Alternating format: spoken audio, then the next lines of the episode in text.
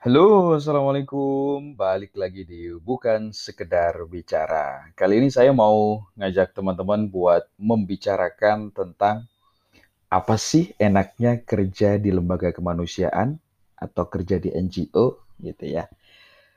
Eh, mungkin teman-teman sudah ada yang pernah bekerja atau menjadi relawan di lembaga kemanusiaan gitu di Indonesia atau eh, NGO-NGO luar negeri yang berkantor di Indonesia itu juga lumayan banyak. Kalau teman-teman sudah ada yang bekerja di sana, boleh juga sih tetap dengerin dan mudah-mudahan bayangan kita sama nih, enaknya kerja di lembaga kemanusiaan, baik di Indonesia maupun di luar negeri.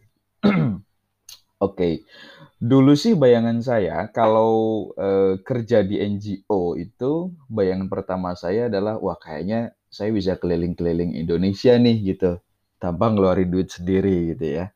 Jadi uh, bayangannya itu, jadi kerja di NGO karena kita bekerja untuk kemanusiaan, kemudian kita dikirim ke beberapa kota gitu ya untuk bisa mensupport dan menyalurkan bantuan di sana gitu. Bahkan nggak hanya Indonesia, bisa juga kita keliling dunia uh, dengan misi kemanusiaan. Kemudian uh, bayangan saya itu kita bisa kenal banyak orang-orang hebat yang mungkin dulu waktu sekolah, waktu kuliah kita hanya bisa uh, mendengar namanya atau melihat di televisi, kemudian kita bisa ketemu dengan mereka gitu. Dan itu sepertinya menarik gitu ya. Kemudian bayangan saya selanjutnya adalah sepertinya saya bisa ketemu dengan para partner yang hebat-hebat uh, gitu ya, para partner baru yang membuat jaringan saya semakin luas gitu. Jadi uh, kita bisa bertemu dengan orang berbagai tipe, uh, kemudian dengan suku yang berbeda-beda, uh, itu sepertinya menarik gitu. Nah, itu yang dulu mendorong saya untuk coba deh kita masuk di salah satu NGO gitu. Dan alhamdulillah empat tahun terakhir ini saya beraktivitas aktif di salah satu lembaga kemanusiaan di Indonesia. Dan ternyata bayangan saya itu benar semuanya artinya apa yang saya bayangkan dulu itu terjadi teman-teman jadi eh, yang saya bayangkan bisa keliling ke Indonesia, bisa keliling dunia, bisa kenal banyak orang-orang hebat, kemudian bisa ketemu banyak partner baru, baik itu corporate, komunitas, dan lain-lain. Dan itu membuat jaringan saya semakin luas gitu.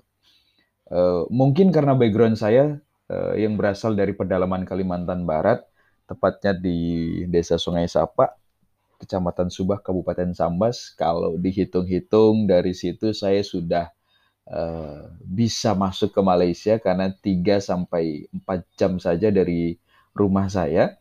Itu kita sudah berbatasan dengan Malaysia. uh, karena di pedalaman mungkin yang saya ketahui dulu uh, apa ya jaringan saya kecil, kemudian saya hanya di kampung saja gitu ya, tidak ke mana-mana. Nah akhirnya saya mencoba untuk uh, oke, okay, sepertinya kalau kita kalau kita melebarkan sayap ketemu dengan orang-orang gitu ya, meluaskan jaringan, ini akan menjadi uh, jadi sesuatu yang menarik gitu. Nah, uh, dari pedalaman Kalimantan saya keluar dari kampung itu sekitar tahun 2000 uh, berapa ya 2014 atau 2016 gitu saya sudah sudah keluar dari sana untuk sekolah, uh, kemudian menempuh pendidikan uh, pesantren dan madrasah aliyah, kemudian lanjut ke uh, perkuliahan di Jakarta gitu. Dan benar sekali, uh, ternyata kehidupan saya yang ada di kampung halaman itu menjadi uh, dorongan semangat saya bahwa oke, okay, ketika kita sudah jauh dari keluarga gitu ya, harus ada wadah yang uh, kita temukan gitu dan dan itu saya menemukan di beberapa organisasi dan yang sekarang saya jalani saya temukan di NGO. Jadi NGO juga menjadi keluarga baru buat saya gitu. Itu yang saya bayangkan dan yang uh, saya rasakan sampai saat ini gitu. Nah, tapi kalau menurut teman-teman kayak gimana? Apakah bayangan yang saya utarakan tadi eh, juga Anda bayangkan bahwa oh ternyata benar nih eh, bahwa saya bisa keliling Indonesia gitu ya. contoh pengalaman pertama saya deh.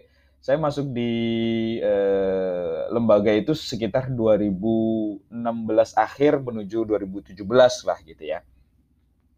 Baru satu minggu masuk, saya sudah langsung ditugaskan ke daerah kantor saya di Jakarta saya langsung ditugaskan ke daerah Lampung Timur. Uh, waktu itu saya harus uh, visit ke salah satu program yang dikelola oleh lembaga uh, rumah sakit waktu itu di sana dan saya harus visit mengunjungi para dokter, para perawat untuk melihat uh, aktivitas dari uh, program tersebut. Karena rumah sakit kita gratis untuk para duafa, sehingga kita melihat nih bagaimana pelayanannya dan lain sebagainya. Dan perjalanan dinas itu adalah perjalanan dinas pertama kali saya yang berefek ke perjalanan dinas berikutnya ke beberapa kota. Jadi saya baru masuk satu minggu, kemudian langsung dikirim ke beberapa kota ya gitu, kalau nggak salah di Lampung Timur. Setelah itu saya harus ke jalan-jalan ke Bandung, ceh jalan-jalan. ya, intinya ada ada misi misi uh, kemanusiaan yang harus kita bawa gitu.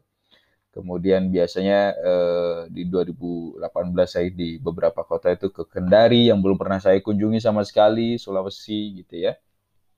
Intinya eh, bisa lah kalau dibilang keliling Indonesia eh, melalui NGO, saya membenarkan bahwa itu terjadi gitu. Nah, mungkin teman-teman ada yang bisa langsung ke mana gitu ya, ke luar negeri, atau yang paling sering tuh bantuan-bantuan ke eh, daerah-daerah konflik ya kayak di Palestina, Suriah dan lain-lain.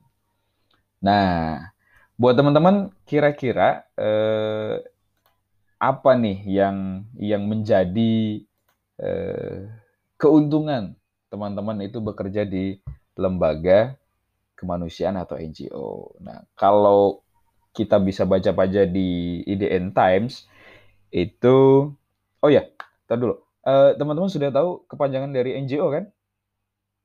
Oke okay ya, NGO itu adalah singkatan dari Non-Government Organization. Jadi ini merupakan suatu organisasi atau kelompok yang beraktivitas di luar struktur politik. Jadi uh, kita tidak masuk di dalam ranah politik, tapi kita juga tidak uh, tidak boleh juga uh, terlalu jauh dengan politik karena ketika kita turun ke masyarakat yang kita temui juga kepala-kepala daerah untuk bekerja sama dengan mereka gitu. Nah, kalau di Indonesia lebih banyak atau lebih sering disebut dengan LSM.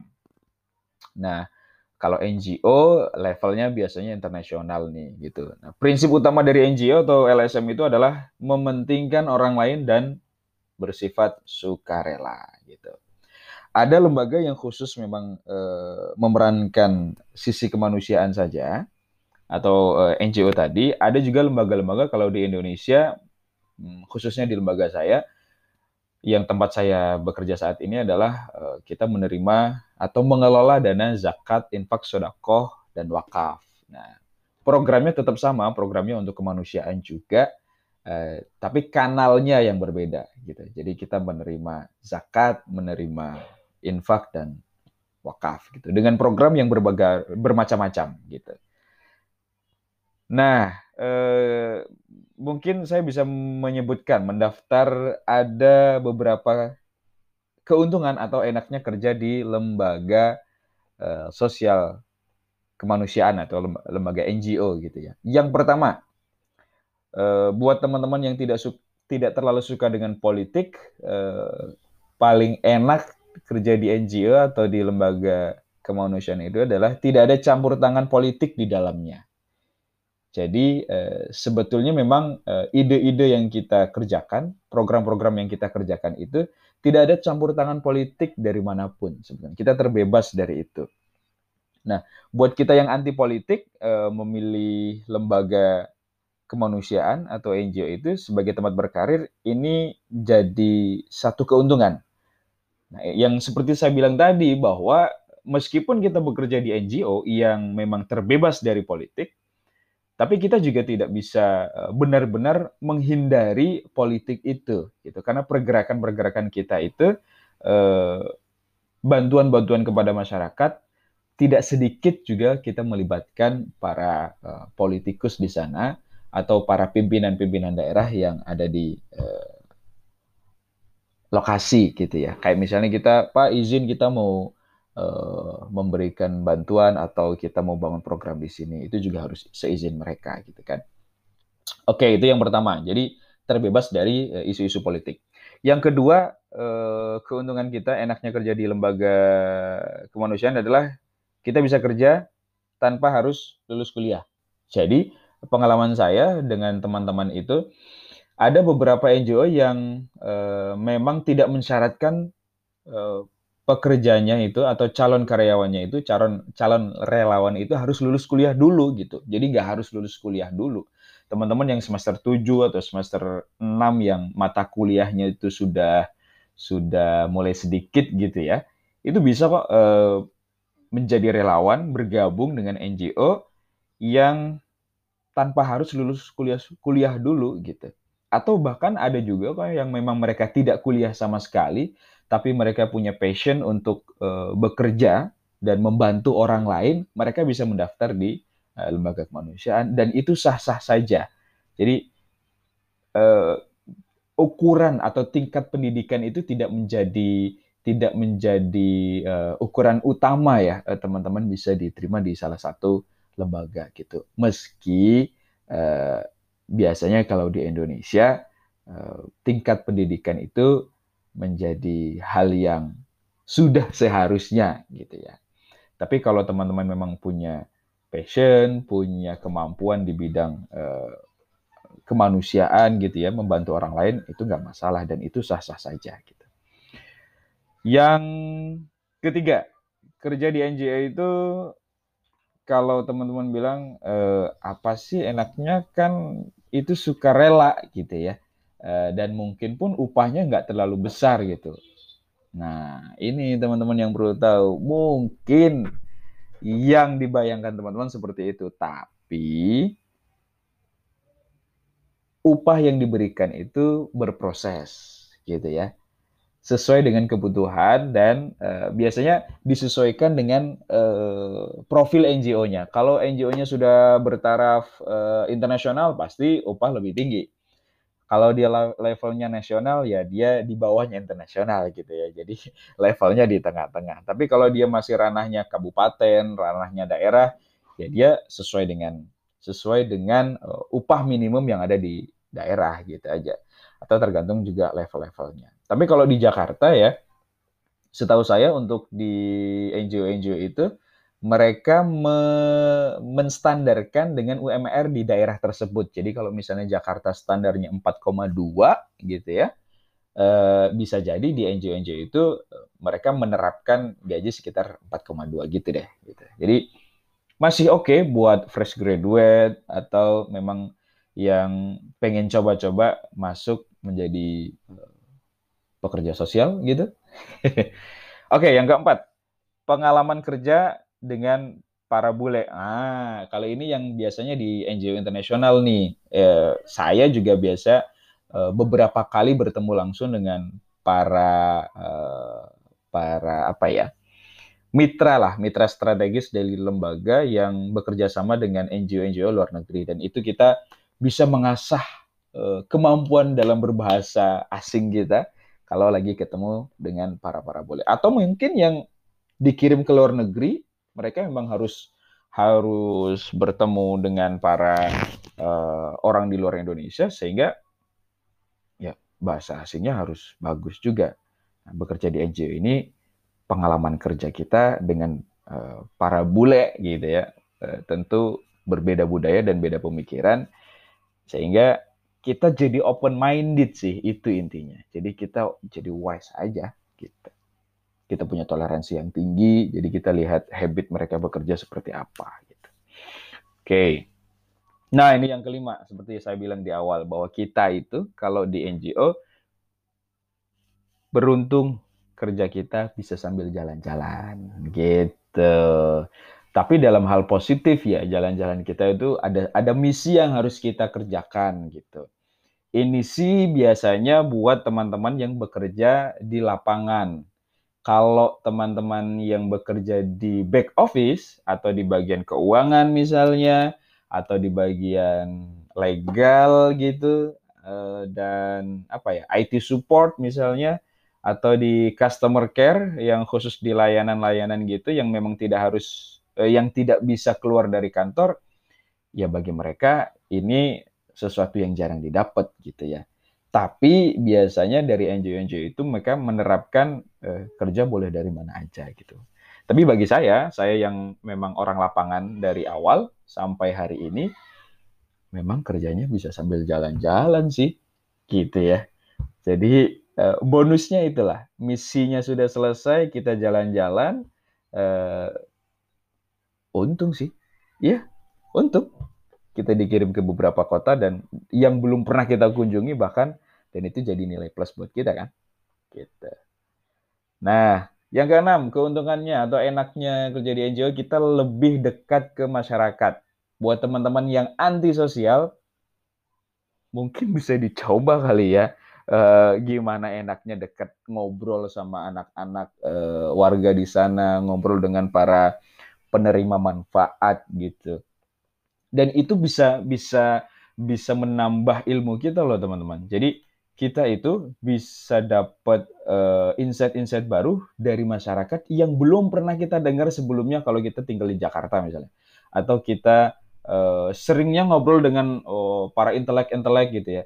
Tapi kalau kita turun ke masyarakat, itu atmosfernya beda banget. Jadi teman-teman biasanya itu mendapatkan uh, petuah-petuah dari masyarakat gitu ya dari para tokoh yang ada di sana atau biasanya curhatan-curhatan dari masyarakat. Misalnya wah iya pak ini bantuan langsung tunainya awalnya segini jadinya segini gitu ya. Atau misalnya iya pak panenan kita panenannya banyak harganya anjlok. Nah itu mereka curhat itu sudah biasa gitu ya. Sering terjadi oke yang ketujuh untuk uh, keuntungan kita adalah atau enaknya di NGO rasa bosan itu tidak sering menghampiri. Nah, sekali lagi saya bilang ini untuk teman-teman yang ada di lapangan biasanya. Kenapa? Karena kita tidak mengerjakan sesuatu yang sama dalam waktu yang lama. Jadi misalnya kita nggak hanya duduk depan laptop uh, terus saja sampai beberapa bulan gitu ya. Tapi buat saya uh, di tim lapangan yang uh, turun langsung gitu ya ketemu masyarakat ini jadi hal yang tidak membosankan. Karena kita ketemu dengan aktivitas-aktivitas baru. Ada masalah-masalah baru ada tantangan-tantangan baru yang harus kita selesaikan yang harus kita hadapi sehingga ya nggak bikin kita bosen gitu kerja di kantor gitu kan. Karena saya juga jarang di kantor gitu ya. Jadi hmm, tidak membosankan memang dan buat kalian yang suka tantangan, memang kerja di lembaga kemanusiaan penuh tantangan banget. Mungkin dari mulai melihat, wah teman kita kerjanya di, di perkantoran, bajunya rapi, pakai dasi, baju masuk, ya kan, sepatu pantofel. Kalau di NGO nggak harus begitu, bos. Di NGO itu kita justru bisa menyesuaikan, kalau kita di lapangan ya, menyesuaikan dengan masyarakat. Kalau masyarakatnya suka pakai sarung, ya lo minimal pakai sarung deh, gitu kan saya biasa begitu. Kalau ketemu warga gitu ya, eh, biasanya mereka ada acara gitu kan harus pakai kopi ya, pakai koko dan lain sebagainya. Ya kita menyesuaikan aja. Eh, tapi kalau kita lagi respon bencana itu teman-teman saya yang eh, merespon biasanya pakai kaos, pakai sepatu boot kayak gitu-gitu ya. Atau yang suka tantangan juga mungkin banyak lah Uh, mungkin dari gaji juga tantangan sih. Oke, okay, yang kesembilan. Nah, buat teman-teman yang punya idealisme tinggi, itu bisa kok teman-teman masuk di salah satu lembaga dan keluarkan ide-ide briliannya yang tentunya yang harus memberikan manfaat dan kemajuan buat penerima manfaat ya. Oke, okay, kita bisa menyalurkan ilmu tanpa batas dan kita bisa menggali ilmu dari para senior-senior kita yang ada di NGO tersebut gitu. Jadi kalau kita kuliah atau kita sekolah hanya di bangku eh, sekolah saja, di bangku, depan meja dan lain sebagainya. Kalau kita di NGO itu sekolahnya kita di lapangan, kita bertemu masyarakat, kita harus bikin program dan yang saya bayangkan sih eh, kerja di lembaga kemanusiaan itu kita kayak bikin eh, negara di dalam negara gitu ya. Karena di lembaga kita punya presidennya, kita punya menteri-menterinya, kemudian kita punya staff-staffnya, dan kita bikin program-programnya gitu kan. Dan tentu kita melibatkan seluruh masyarakat yang ada di uh, sekitar uh, untuk bisa mereka memberikan bantuan kepada masyarakat yang membutuhkan. Jadi lembaga kemanusiaan ini sifatnya adalah menjadi jembatan kebaikan buat orang-orang yang baik gitu ya. Dan kita menampung kebaikan itu dari para pahlawan kebaikan. Dan siapa pahlawan kebaikan itu? Ya Anda, kalian yang mau membantu tidak harus banyak kepada orang-orang yang membutuhkan. Kami hanya membuka jalan biasanya, kemudian kita memberikan dan menyalurkan sesuai dengan kebutuhan yang ada di lapangan. Gitu. Gitu sih. Itu yang menurut saya dan saya baca di IDN Times eh, apa untungnya atau apa enaknya kerja di lembaga kemanusiaan. Oke, nah mungkin setelah mendengar podcast ini teman-teman eh, ada yang merasa bahwa oke, okay, cakep nih kayaknya eh, kerja di lembaga kemanusiaan, boleh dicoba. Apalagi di masa COVID-19 ini banyak banget NGO yang membuka eh, kesempatan untuk berkarir di lembaga kemanusiaan atau NGO internasional. Gitu ya. Semoga manfaat. Terus dengerin di Bukan Sekedar Bicara. Saya Zaini. Assalamualaikum warahmatullahi wabarakatuh.